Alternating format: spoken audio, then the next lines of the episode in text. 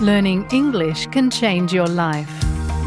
Did you know that you can improve your English and learn about Australian culture at the same time? With the SBS Learn English podcast, you'll become more confident using Australian expressions in your everyday life. Each episode is around 10 minutes long, so they are easy to fit into your day. You'll love learning English with SBS Learn English. Listen wherever you get your podcasts.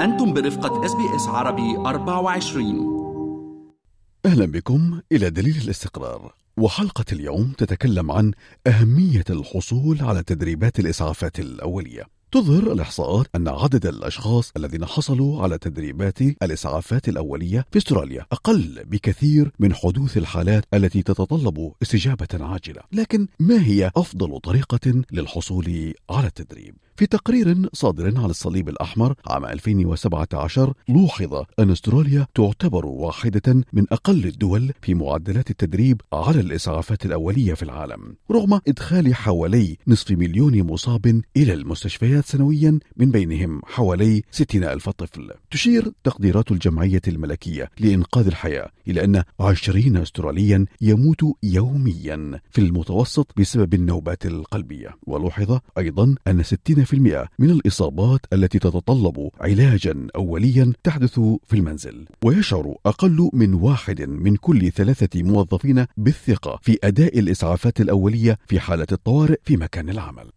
يقول باكريد الذي كان مسعفا منذ أكثر من عشرين عاما والذي يعمل محاضرا في قسم الإسعاف في جامعة ويسترن سيدني إن كثيرين لا يتلقون تدريبات على الإسعافات الأولية إلا إذا كان ذلك مطلوبا في العمل رغم أن ذلك يعلمهم مهارة مهمة ونتائج ملموسة لإنقاذ مصاب. First aid training does two things. It both gives people skills to sort of self manage situations and improve people's outcomes when they become injured or unwell, but it also gives them confidence. So it's a good way for people to learn about how to respond in situations, not just in terms of hands on first aid things, but kind of how to mentally prepare themselves.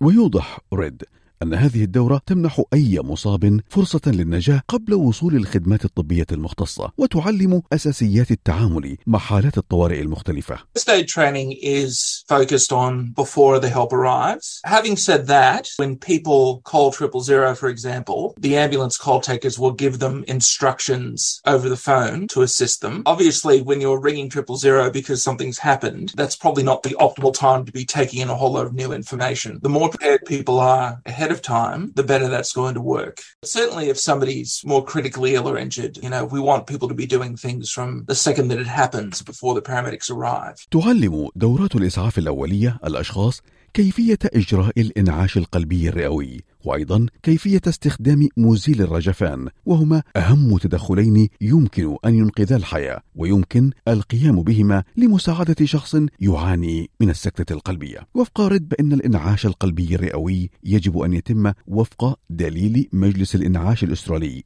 ARC وهو أعلى هيئة تنظم ممارسات الإسعافات الأولية وتتألف من حوالي 20 منظمة بما في ذلك مؤسسات ككلية طب الطوارئ ومجلس سلطات الإسعاف والمؤسسة الملكية لإنقاذ الحياة. ARC guidelines represent the best available evidence for different first aid interventions, and that's the role of the ARC is create standardization so that organizations who teach first aid can easily reference good evidence.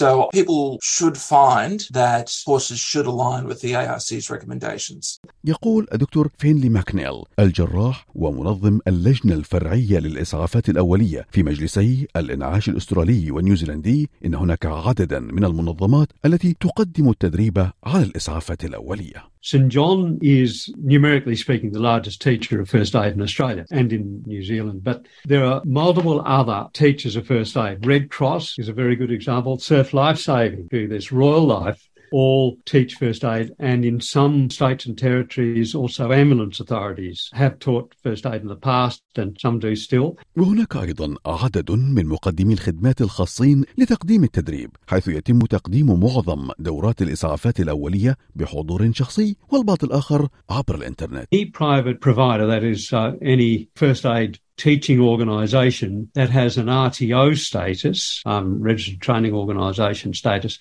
is a valid choice to go and learn first aid.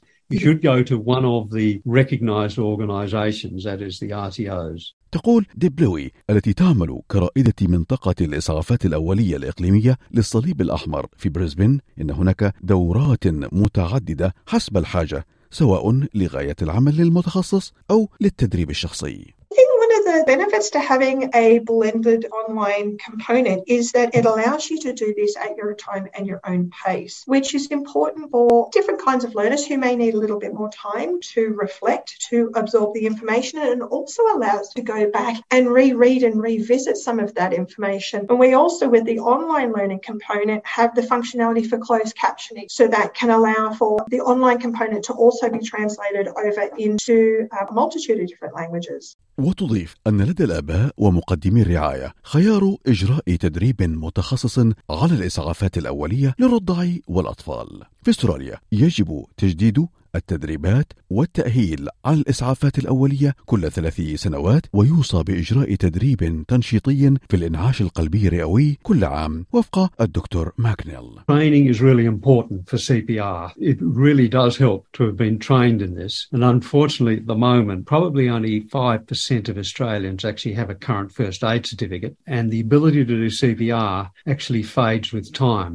since you last used it. كما أن دورات الإسعافات الأولية تختلف في مدتها فبعضها لبضع ساعات والبعض الآخر لمدة يومين بينما هناك دورات متخصصة معترف بها لغاية العمل وكل لها تخصصها ومتطلباتها وفق احتياج الشخص أو مؤسسته That means that they teach to a specific standard that's outlined for whatever that course is. And there's different first aid modules that address different things, often part of workplace training packages. So if you're doing it for a workplace reason, it's important to choose the first aid course that is correct for that workplace or for that need. بصرف النظر عن الدورات المعتمدة تقدم عدد من المنظمات غير الربحية والمنظمات المجتمعية وخدمات الإسعاف أيضا تدريبات مجانية وما على الراغب بالحصول عليها سوى الاختيار وفق الحاجة There's a range of providers that people can look at and people should look at reviews of the provider or how the course is structured, things like that. And most of the major providers generally are of very good quality, but there's a range of more local community providers as well that are also very good. It's like investigating any other service. It is also important for people to choose a course that's right for their needs. So if they do have small children, then doing a course that's geared towards children will give them specific information that they'll find useful.